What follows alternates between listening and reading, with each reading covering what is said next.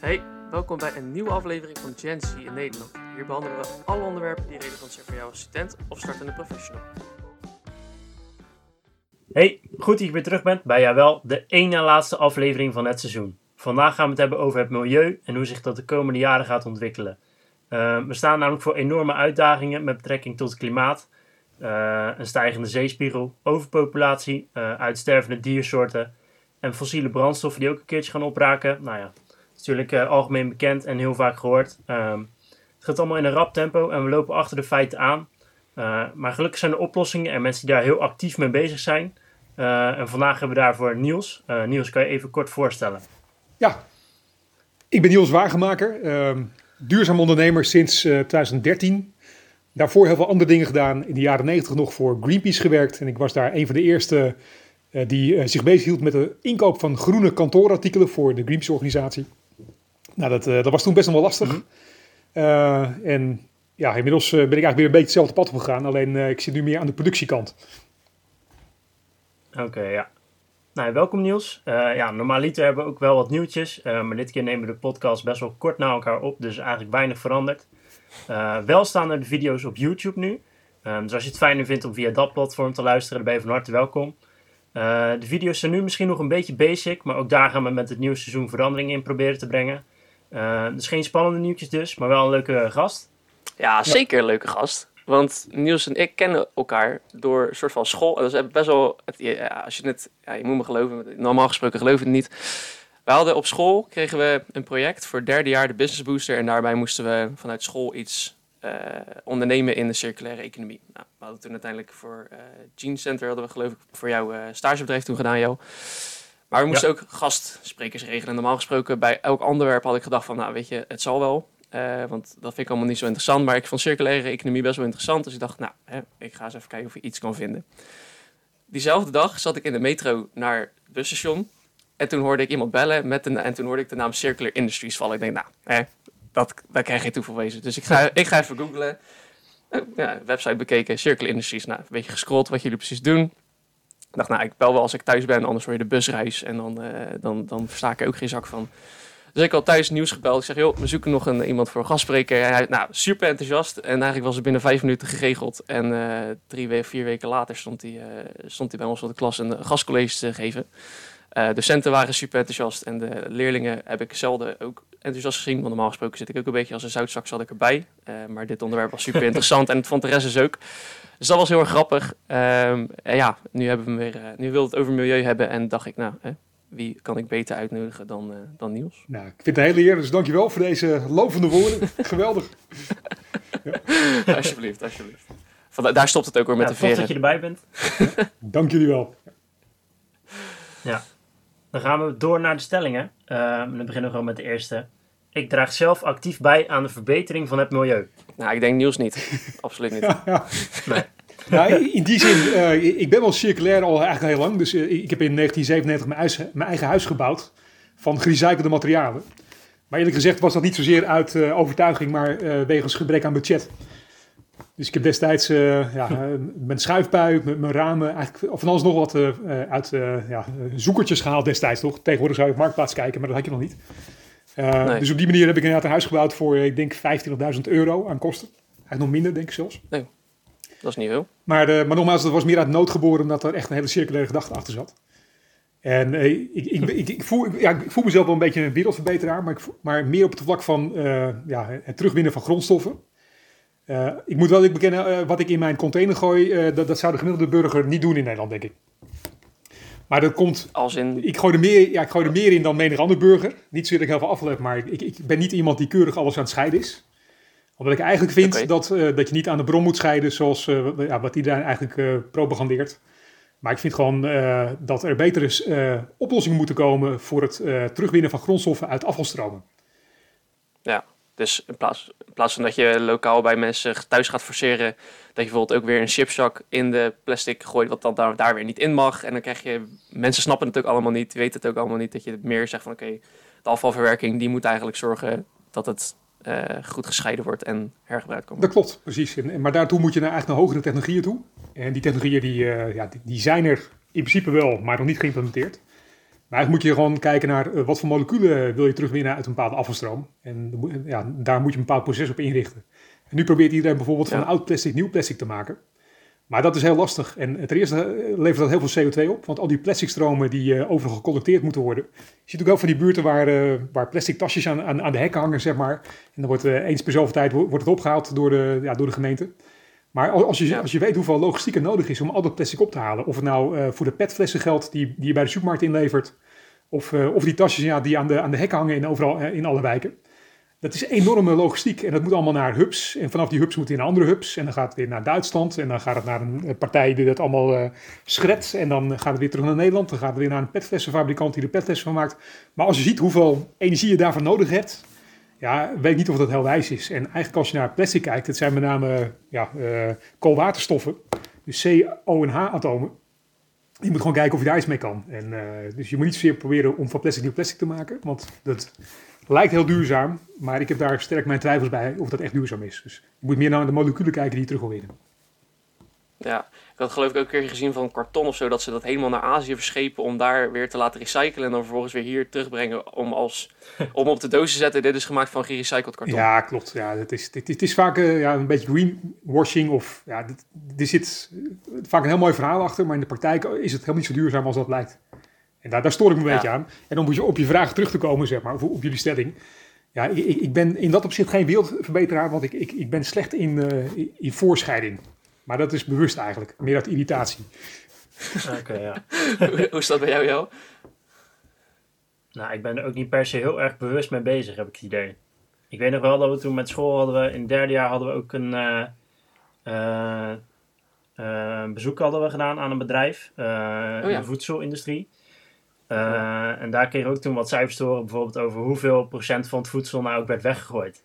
En sindsdien ben ik ook wel een beetje echt aan het kijken van, heb ik nog iets in mijn koelkast staan wat bijvoorbeeld over een paar dagen niet meer goed is of zo. En dan probeer ik dat soort dingen wel eigenlijk zoveel mogelijk eerst weg te werken. Dat ik gewoon zo min mogelijk voedselverspilling heb in die zin.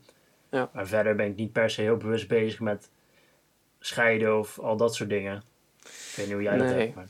Nee, ja, ik, ik weet niet. Ik, had op, ik was best wel vroeg al, zeg maar, een soort van... Dan zag ik op tv of zo, en dan zag ik plastic overal in de zee. dacht van, oh, dat is echt slecht. En toen heb ik mijn ouders een soort van geforceerd om karton en plastic niet meer in de prullenbak te gooien. Dus, en, dat, en dat doen ze nog steeds netjes. En ik doe het ook nog steeds netjes. Maar ja, ik heb eigenlijk nog nooit zo heel erg... Ja, tot sinds kort eigenlijk over nagedacht dat het misschien niet heel erg handig is om het bij de bron te, te, te scheiden, zeg maar. Maar meer bij de, bij de, eh, bij de renewies en de, de... Weet ik veel hoe al die eh, vuilnisbedrijven heten. Ja. Maar dat, dat doe ik dus wel. Maar ik, ja, ik moet ook heel eerlijk bekennen. normaal- Ik zat eerder bij een sportschool die is een kilometer verderop. Pakte ik wel gewoon ook de auto. ook als het lekker weer was. Dus op zich, eh, ik zou wel heel graag willen pretenderen dat ik heel erg goed bezig ben met het milieu. Maar het is ja, in de praktijk. Maar het, het, het, ja, de, het alternatief is altijd veel gemakkelijker om het niet te doen, zeg maar. En ik denk dat dat nog wel een beetje een issue is. Het is vaak makkelijker om te kiezen voor het, wat, hetgeen wat slecht is voor het milieu dan wat goed is. Ja. Misschien een beetje een open deur, maar eh, ik denk, gooi hem, gooi, gooi hem Ja, er toch dat, in. dat is wel zo natuurlijk. Precies. Ja, ik ga niet fietsen als het regent. Ik bedoel, dan pak ik gewoon de auto. Nou kan ik ook niet fietsen naar mijn werk, is een beetje ver. Maar, Allah. Ehm, maar dra- ik draag dus, ik probeer het wel, maar dan middels afvalscheiding. Maar ja, ik weet ook niet of dat nou, eh, of dat nou de hele Ja, wereld wat gaat zou je verder nog bijvoorbeeld kunnen doen? Want dit zijn natuurlijk best wel standaard dingen die je nu noemen eigenlijk. Ja, ik weet niet. Wat zou je verder nog als normale burger kunnen doen? veel mensen hebben ook een regenton toch aan te zo. pakken. Ja, Om water te, ver- voor, voor de wc of zo, daar hoef je niet per se drinkwater voor te hebben voor in de wc. Nee. absoluut. Nee, daar heb je gelijk in. Dus, dus eigenlijk, eh, maar dat, dat zou ook eh, bij eh, ja, nieuwbouwprojecten verplicht moeten worden. Dat een deel van het spoelwater, eh, dat, dat het gewoon eh, vanuit hemelwater afkomstig is. Dus dat houdt in dat je in nieuwbouwprojecten inderdaad, eh, gewoon eh reservoirs moet inbouwen. Zodat je, dat, eh, dat, eh, Ja. dat je tv had, of je, sorry, je, je wc met, eh, met, met regenwater kan spoelen. Maar je ziet dat op dat vlak dat er eigenlijk eh, nul voortgang wordt geboekt. Dus, dus, ehm, en dat is eigenlijk wel heel gek, want maar dat is een van je volgende stellingen, zeg maar. Maar je kan eigenlijk wel heel veel doen. Alleen eh, moet de overheid daar ook wel in faciliteren. Ja, ja, ze, Ja. Waren, ze waren nou, ik zag, laat- wanneer was het nou? een paar weken geleden in het nieuws op in Utrecht of zo, waren ze bezig om een, eh, of niet per se in Utrecht, maar in de gemeente Utrecht, provincie Utrecht, ik weet niet of dat is allemaal hetzelfde, denk ik, een van dat, Ehm, dat ze bezig waren om ehm, hele wijken nu ehm, eh, zelfvoorzienend te maken. Maar dat kostte en heel veel tijd en heel erg veel geld. En zeg maar, het, het ombouwen van huizen naar een zelfvoorzienend iets of milieuvriendelijker iets kost veel meer moeite dan ook weer een open deur, dan een huis vanaf de grond uit op te bouwen, zeg maar. Maar daar ligt natuurlijk ook wel het probleem, want er worden wel 17 mensen gehuisvest op dit moment in huizen die niet per se eh, milieu of milieu eh, of nul CO2 uitstoten of zelfvoorzienend kunnen Ja. zijn. Mensen die dat wel hebben, die hebben Ja. er of heel veel geld in gepompt. En mensen die dat vaak niet kunnen betalen, die gaan het, dus staat niet hoog in de prioriteringsranglijst. Ja, ik voorzie er nog een toekomstig Dat probleem. is wel een hele bewuste keuze. Maar ik voorzie er nog een probleem, want eh, dat- je merkt nu ook al met, met auto's, zeg maar, heel veel mensen die overwegen nu om een elektrische auto aan te, aan te schaffen.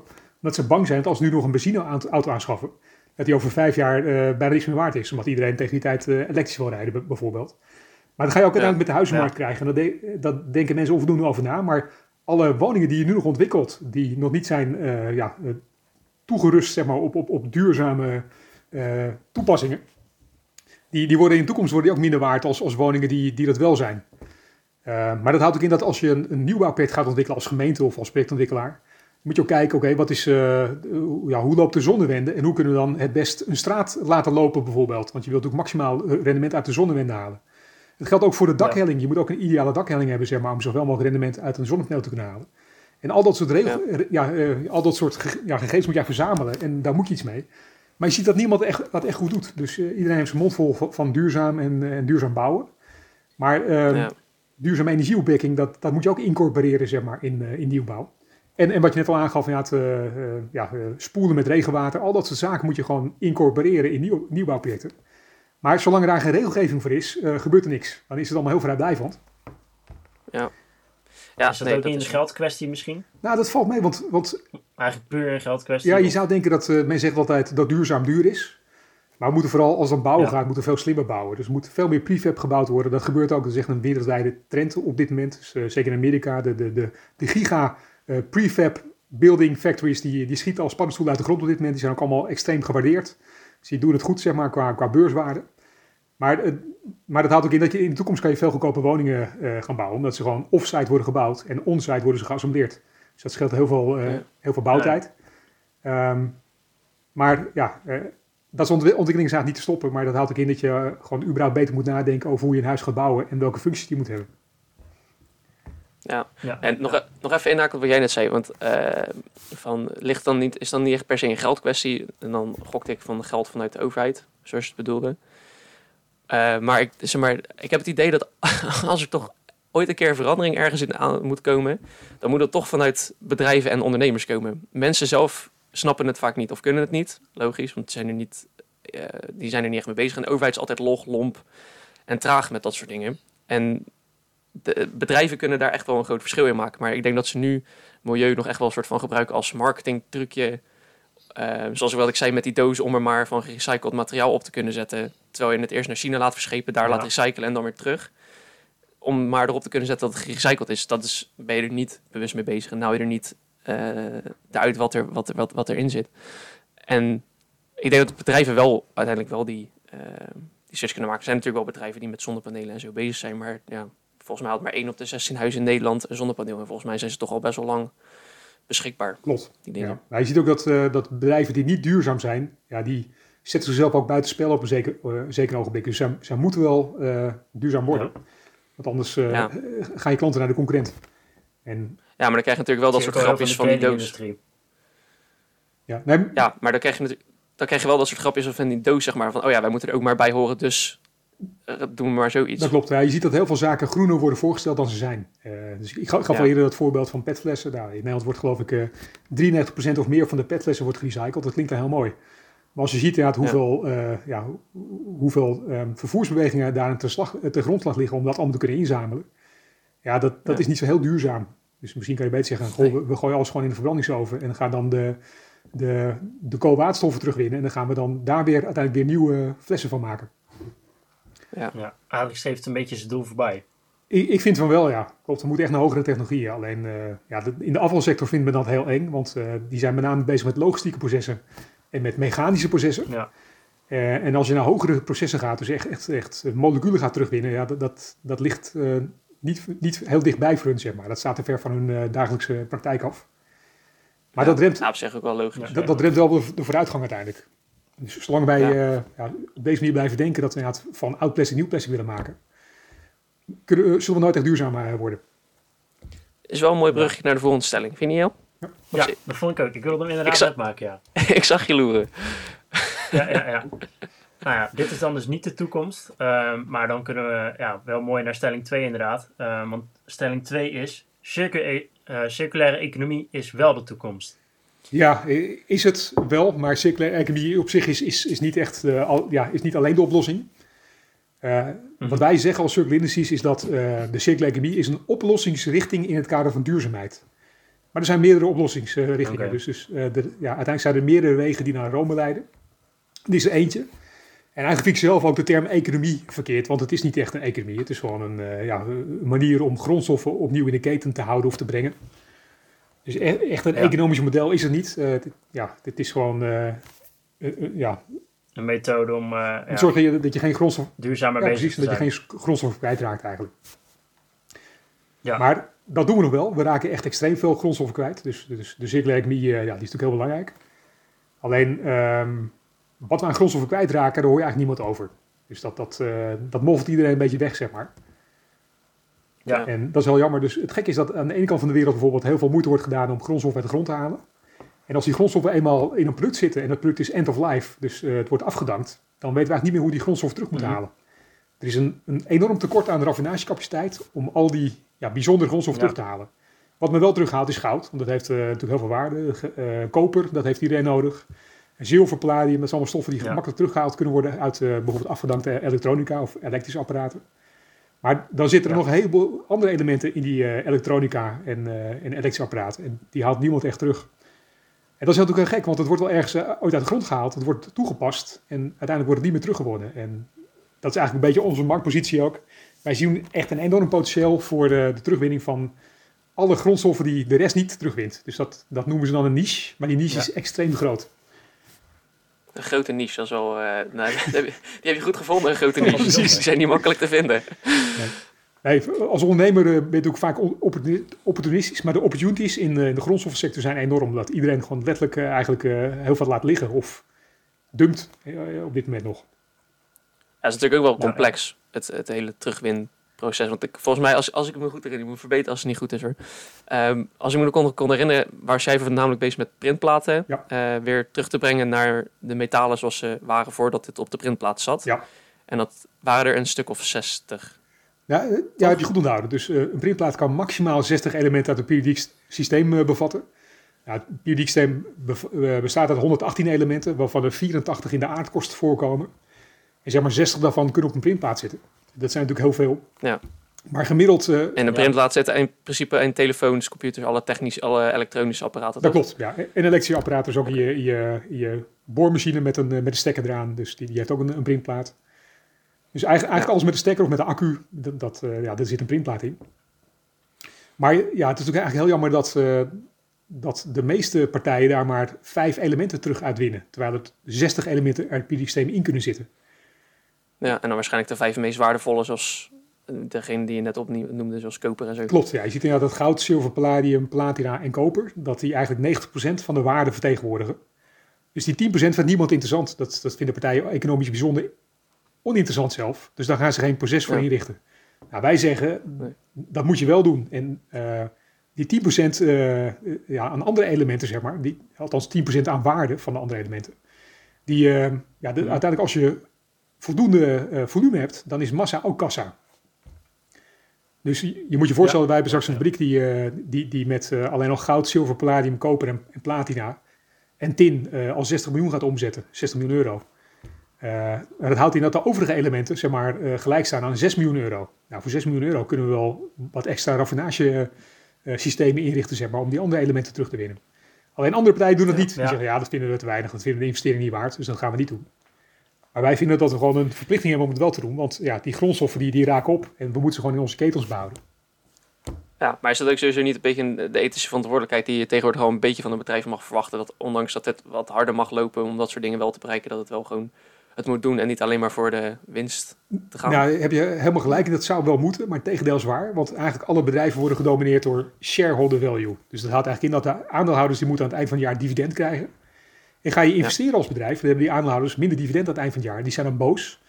En dat, dat willen directies vaak niet. Die willen vaak de aandeelhouders uh, pleasen, zeg maar. Die, die moeten tevreden gehouden worden. Ja. Dus niemand gaat die strijd aan. Maar als je een, een, een, een, directeur met ballen bent, zeg maar, van een, uh, van, van, een grote uh, organisatie. Dan moet je gewoon zeggen, beste aandeelhouders, sorry, maar we gaan dit jaar investeren in duurzaamheid. Of de komende jaren. Dus dat houdt in dat je minder dividend krijgt.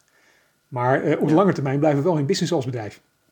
En, en, en, en uiteindelijk en kunnen we de wereld veranderen. Is dat wel hetgene waar je voor investeert toch ook? Als, meestal investeer je voor een bedrijf voor lange termijn. Je gaat investeert als je, niet voor de komende drie maanden, zeg maar. Nee. Zeker niet als je met dividendinvestering bezig bent. Heb je gelijk. Dus, dus je ziet inderdaad bepaalde organisaties zoals pensioenfondsen, die investeren inderdaad op lange termijn.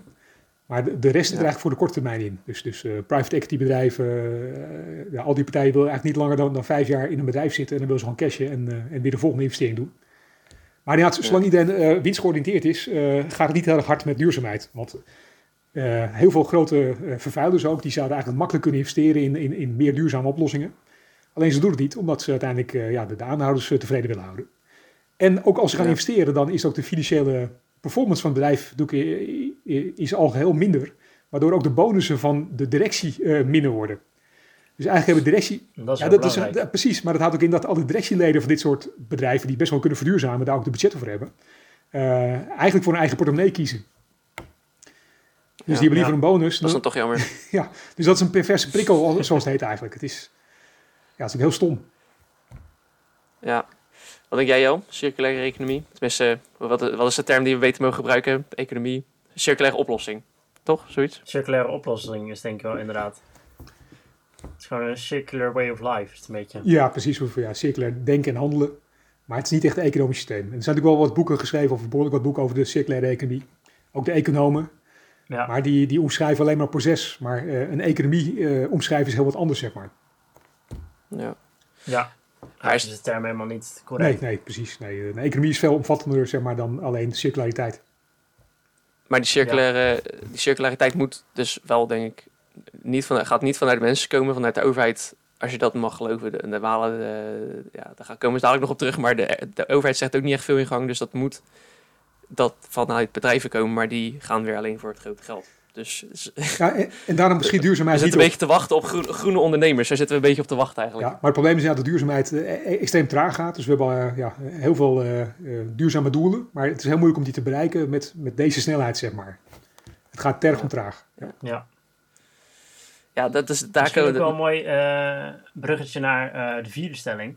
Ja. Dan gaan we even de derde gewoon over. Ja, joh. Um, de EU gaat het Parijsakkoord halen. Heb je natuurlijk allemaal doelstellingen. Um, nou, die gehaald moeten worden. Ja, we hadden ze net Um, even En daar moet opgezocht. eigenlijk ook alles wel snel voor gaan. Maar is het haalbaar? Op de manier zoals we nu doorgaan. Ja, Nee. op Euro- Europees niveau zullen een aantal landen zekere doelstellingen halen. Of Nederland gaat halen is maar de vraag. Omdat Nederland bijvoorbeeld als het gaat om duurzame energie zwaar achterloopt. Dus eh, ik geloof dat we, eh, ik meen iets van 27% eh, duurzame energie moeten opwekken tegen 2030. Maar we zitten Ja. nu niet eens op 10% eh, of, of nog minder, dacht ik. Dus we moeten daar een enorme moeten- ik, heb hier- ik, sprong in maken eigenlijk. ik heb ze hier voor me. Eh 49% minder CO2-uitstoot in 2030 ten opzichte van 1990. Dus dat is de helft minder dan eh, op dit moment 30 jaar geleden. En in 2050 moet er 95% minder CO2-uitstoot zijn ten opzichte van 1990. Ja. Nou kan er een hoop gebeuren in 10 of 40 jaar, of eh 10, 30 jaar. maar als op dezelfde voet verder gaat, ben ik heel benieuwd of ze het gaan halen. Ja. Maar het stom is dat hele CO2-uitstoot, eh, dat wordt als heel problematisch omschreven. Maar het is niet problematisch, want CO2 is gewoon een gas en dat kun je afvangen. Dus in plaats van dat het door een schoorsteen gaat bij een fabriek, kan je ook zeggen, nou oké, we gaan het niet door een schoorsteen gooien, maar we gaan door een proces leiden. En eh, we vangen C en, en O apart af. En dan heb je koolstof en je hebt, je hebt zuurstof en met allebei kan je iets. Alleen dan moet je dus op investeren. Dan moet je dus inderdaad, eh, ja, eh, een extra installatie neerzetten die, die eh, niet zorgt dat die gassen de scho- de schoorsteen uitgaan, maar dat het weer een proces ingaat en dat je daar grondstof van maakt. Ja.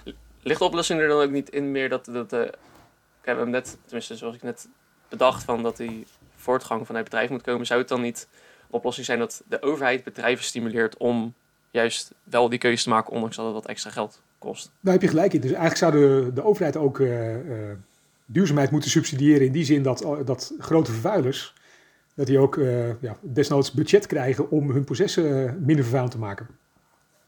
Ja. Ja. Zo, nou, klaar. jongens, Daar zijn we er. reisakkoord. Ja, ik, ik zeg, zet, zet ons erop. wij, wij halen het wel. Dat komt wel goed. Ja, nou, Dus dat, wat mij stoort, zeg maar, ook als je kijkt naar de energietransitie, dat, eh, daar wordt natuurlijk heel veel geld op ingezet en op zich is dat prima, want dat zet ook een hele nieuwe economische sector op de kaart. En dat heb je natuurlijk regelmatig, eh, dat, je, dat je nieuwe economieën moet uitvinden. Nou ja, de, laatste vorm, zeg maar, is dan de, de duurzame economie, waaronder eh, ja, ook, ook de energiesector valt. Dus daar wordt nu heel veel geld in gepompt om dat allemaal te faciliteren. Maar ook daar eh, zie je dat, dat niet echt de juiste oplossingen tot stand komen. En dat is een beetje jammer. Nee, dan is het toch lastig. Ja, en het is natuurlijk allemaal eh, nog een beetje in de kinderschoenen ook hoe het allemaal, allemaal weer opgepakt moet worden, die processen. Het is allemaal nog... Wij merkten dat ook met school. Het was echt heel moeilijk om daar goede informatie over te vinden. En mensen te vinden die er ook echt daadwerkelijk wat vanaf wisten. Uiteindelijk moesten we bij Gene Center dan zaten en die werkte dan, die vielen weer onder de koepel van Garcia of andersom, zoiets. Was er dan één iemand die wist er wel iets van. Ja. Maar zelfs wij konden haar nog dingen bij, zeg maar, vertellen van, oh ja, dit, dit hebben wij gevonden en dit is hoe het zit. En dat was na vier weken dat wij een beetje onderzoek hadden gedaan. Toen dacht ik van, ja, is, weet zij het dan gewoon echt niet? Of hebben wij toevallig een heel goed onderzoek gevonden? Dat lijkt me ook stug. Ik ben wel goed in Google, maar zo goed, zo goed nou ook weer niet. Ja. Maar er is gewoon, ik weet niet, het is gewoon, het is allemaal nog een beetje, eh, mensen snappen er gewoon denk ik nog niet zoveel van. Nee, Dat is nou, jammer. En het zegt ook iets over de prioriteit die bedrijven misschien stellen aan duurzaamheid. Dat ze zo weinig weten. Ja. Ja, maar zeker zo'n kledingbedrijf zou denk ik het wel moeten weten. Want volgens mij had toen ook gezien dat een katoenvezel, als het niet klopt moet je me verbeteren, ehm, heel lang recyclebaar is of herbruikbaar is. Ja. Dat ze die weer heel Ja. snel terug konden brengen naar een katoenvezel om er weer een nieuwe kleding van te maken. Ik denk van ja, we flikkeren allemaal kleding weg. Mijn hele, ik heb ook hoor, mijn hele, klas, mijn hele kast hangt vol. Ik draag de helft niet. Dan pleur je het weg en dan gaat het, dan gaat het stookoven in en dan is het weer weg. Of het gaat naar Afrika en dan krijgt het nog een tweede leven, maar dan is het daarna ook weer klaar. Dat is eh, toch zonde. En nou kan je katoen nog wel op zich nieuw planten. Maar ja, ijzerplanten worden een beetje lastig. Volgens mij groeit daar geen boom uit. Nee, dat klopt inderdaad. Nee, maar je ziet wel, de textiel, Nee? de textielindustrie is, is goed bezig de laatste tijd. Dus eh, er is veel aandacht voor duurzaamheid. En ook eh, ja, met, met name voor recycling van, van vezels. Maar dat wordt eigenlijk al heel lang Ja. gedaan. Dus textiel ging al heel lang naar de lompenindustrie, met name vroeger in Italië. Eh, en daar werden we nieuwe vezels van gemaakt inderdaad. En, eh, maar ook daar zit altijd een stukje afval tussen waar ze niks mee kunnen. Nou, dat, daar werden dan meestal de verhuisdekels van gemaakt. En dat gebeurt nog steeds. Maar katoen kan je in principe dus- relatief lang eh, recyclen. Dus als je echt niet kan recyclen, kun je altijd nog een, een, een synthetisch product van maken. Daar kan je viscose van maken of rayon of een... eh, Nou ja, ja. Ja, zijn, zijn er ook nog lichtpuntjes? Natuurlijk, eh, het, is allemaal, het lijkt net alsof de wereld morgen vergaat, maar er zijn er nog lichtpuntjes? Jazeker, ja, Dat- eh, dat wij zijn natuurlijk als bedrijf Circle Industries. Want wij, eh, wat wij doen, doen we op in- industriële schaal. En dat, Zit je nou een beetje ordinair je eigen bedrijf te ja, verkopen? eh, goed is dat, hè? Ja, precies. Daar zit ik hier ook. Nee, maar wat mij verbaast, zeg maar, is dat wij, wij willen echt impact maken. En impact doe je alleen maar door een bepaalde schaalgrootte te bereiken. Maar wat dat betreft zijn heel veel partijen tegen ons, zeg maar. Dus eh, alle partijen waar we mee samenwerken, zeggen... Goh, eh, waarom ga je niet eerst klein beginnen? Ga je eerst een klein fabriekje bouwen. En als je hebt aangetoond dat het werkt, ga dan die grote fabriek neerzetten. Maar wij, maar wij weten bijvoorbeeld al dat die grote fabriek die gaat sowieso werken. Want die technologie die wij gebruiken, die zijn al ontwikkeld. Alleen het enige wat wij doen is verschillende technologieën onder één, één dak zetten. En die laten we samenwerken. Maar er zit eigenlijk geen risico in. Dus Ja. we hoeven geen kleine fabriek te bouwen. We gaan meteen groot. Nee. Alleen dat vindt iedereen heel eng. Maar het, het gevolg is dan dat je, ja, eh, als iedereen maar continu pilots blijft bouwen, want dat is heel erg gebruikelijk in de duurzame sector. Je gaat eerst iets kleins doen, en dan ga je kijken of je gaat opschalen. En dan heb je allemaal opschalingsrisico's. Wij doen het in één keer goed. Maar niemand gelooft dat het in één keer goed kan. Maar dus krijg je van die ellenlange trajecten. En, en daarom duurt duurzaamheid ook zo lang. Omdat iedereen eerst al die, eh, al die iteraties door moet. Van pilot en dan opschalen, technische problemen. ja. Uiteindelijk zijn ze jaren en jaren verder voordat, die, voordat ze een keertje een proces, proces hebben wat werkt. Nou, wij willen het in één keer goed doen. Alleen ondertussen zijn, wij jaren verder met het financieren van ons project. Want dat is echt wel lastig. Ja. ja, dat kan ik me voorstellen. Ja, want het is natuurlijk, bij banken krijg je ook lastig, denk ik, akkoord om, eh, om met zoiets zeg maar, aan te komen van ja, dit is rendabel. Want die snappen natuurlijk ook niet precies de ins en outs. Nee, dat, is- dat is het probleem. Want wat wij doen kunnen ze niet vergelijken met, met andere partijen. Dus eh, ze kunnen niet benchmarken zoals het heet. En dat is wel een Nee. probleem. Dus, dus de banken zien voornamelijk risico's. Die risico's moet je allemaal mitigeren. Eh, en dat Ja. kost ons met name heel veel geld. Dus onze fabriek die zou eigenlijk 50 miljoen kosten. Maar de bank stelt zoveel eisen dat er nog minimaal 20 miljoen bij komt. Dat is fors. Maar ja, als je ook zegt van het eerste jaar waarschijnlijk al 60 miljoen omzet, dan zou het binnen no time tegen elkaar op moeten wegen. Oh nee, natuurlijk is het zo. Uiteindelijk kunnen we het dan weer terugverdienen. Eh, maar we zouden dat sneller kunnen terugverdienen als we, als we niet van die eh, ja, strikte eisen zouden hebben van de banken. Ja, en dat is dan Ja. toch weer jammer. Dan, bele- dan belemmert, dan heb je een ondernemer die er wat mee doet, zeg maar. Dan, maar dan is er toch weer belemmering vanuit de overheid om het eh, om, met, met die maatregelen en vanuit banken om, om het allemaal... eh, in ieder geval weer van logge organisaties die het allemaal tegenhouden. Laat ik- Ja, klopt. Je ziet hele mooie reclames van banken dat ze veel meer duurzaamheid doen. Maar eh, ja, dat is op een iets ander niveau. Maar op het moment dat je zegt, ik heb 50 miljoen nodig. Ja, dan, dan moet je echt eh, zeker stellen dat zij geen enkel risico hebben. Dus, eh, dus de bank wil je best wel geld lenen. Maar Ja. ja. ja, wel onder bepaalde condities dat zij geen enkel eh, risico hebben. En dat kan, alleen ja. ja, dat kost ons als ondernemers veel geld en veel tijd om dat allemaal voor elkaar te krijgen. Uh, Ja. en, dat kost ons heel veel marge uiteindelijk ook. Dat is zonde. Maar de bank zegt, ja, wij zitten er eh, eigenlijk, eh, wij maken geen winst. In die zin dat eh, als wij geld uitlenen, krijgen we alleen maar eh, rente eh, krijgen we, ja, uit- ja, uitgekeerd, zeg maar. Dus jullie betalen rente als bedrijf. En dat is hun enige opwaarts potentieel. Ehm, en, en daarom wil zij Ja. dat al die risico's eruit zijn, zodat ze zeker weten dat ze hun geld niet gaan terugkrijgen. Ja, dat is wel natuurlijk een beetje hoe banken werken, maar met, dit, eh, met, met voor hun ontgonnen markten, zeg maar, en, en nieuwe dingen met zulke bedragen is voor hun natuurlijk al een beetje eh, eng. Klopt, ja. Moeten ze maar gewoon een keertje ballen tonen. het is wel begrijpelijk hoor, maar het is, het is jammer dat het, dat het allemaal zoveel moeite en zoveel tijd kost. En dat er ook geen draaiboek is hoe je een duurzaam project als de onze bijvoorbeeld financiert. Dit is eh, technisch Nee. eigenlijk heel complex om, om het te financieren met name. Dus de fabriek is niet eens complex, maar de financiering is echt complex. dus dat is op zich wel jammer. Ja, dat is, dat, is, dat is zeker jammer. Dat is zeker jammer. Maar ja, volgens mij, het gaat weer, de tijd weer vliegt weer, Reo. Volgens mij, eh, volgens mij zijn we er tijd heen. echt Zijn we er al bizar doorheen? Dat, dat, dat is echt heel ziek. Normaal, we houden altijd een Ja, beetje een half uurtje aan, maar we zitten er alweer overheen. Nee toch? Hè? Dat, dat wordt knippen. Ja, maar kijk, volgens mij, kijk, we dan hebben nu... twee keer nog. Nou, dat denk ik wel. Want we hebben nu natuurlijk het soort van het ene deel... Tenminste, het milieuprobleem bestaat natuurlijk een beetje uit meer delen, denk ik. Want je hebt ook nog de hele energiecrisis. Daar hebben we het nog niet eens over gehad. Hoe we, als we alles op elektriciteit willen gaan doen, hoe we dat dan weer op gaan wekken. Want uiteindelijk stoken we daar ook weer kolen en fossiele brandstoffen voor. Maar daar hebben we nu geen tijd meer voor. Dus ik denk dat we die nog wel voor een tweede gaan houden. Prima. Wellicht met nieuws, wellicht met iemand anders. Ik hoop met nieuws, want dat is altijd wel gezellig. Ehm, Dus volgens mij, eh, ja, dat wil ik even zeggen. Dus, ga. Helder. Ja, top. Eh, nou ja, eh, zoals eh, Lorenzo zei, de tijd zit er al op. Eh, Niels, hartstikke bedankt dat je erbij was. Graag gedaan. Eh, ik vond het in elk geval heel erg tof. Ik denk Lorenzo ook wel. Nee, ik vond er echt geen bal aan. Ik vond er echt geen bal aan. niks. Nee, ik vond het ook heel verrassend dat, dat Nieuws wel dacht dat er wel toekomst zat in de circulaire, circulaire, circulaire, circulaire Hoe is economie. het mogelijk, hè? Ja, Ook heel verrassend. ik, ik, ik doe ook wel eens op, hoor. Ik geloof er ook totaal niet in. Maar ja, ik, eh, ik moet er iets doen. Ik moet mijn tijd invullen tijdens corona. Ja. Er zit geld in, dus. We hebben een heel script meegestuurd wat je, me- wat je op moet lezen. Ja, precies. Nou, dat is gelukt. Ik ben door mijn tekst Ja, heen. kijk, nou, hartst- ik denk het prima. Nog goed geïmproviseerd ook soms, dus dat eh, ging hartstikke Ja. goed. Gelukkig. Nou, eh, hartstikke bedankt in elk geval. Ehm, wij gaan Circular Industries zeker in de gaten houden. En eh, hopen dat andere ondernemers ook op andere gebieden eh, zullen gaan inzetten. Ja. Eh, en eh, ja, tot volgende week. Geweldig. Juist, is goed. Mannen, ontzettend bedankt. Top. Tot snel. Hoi. Hoi.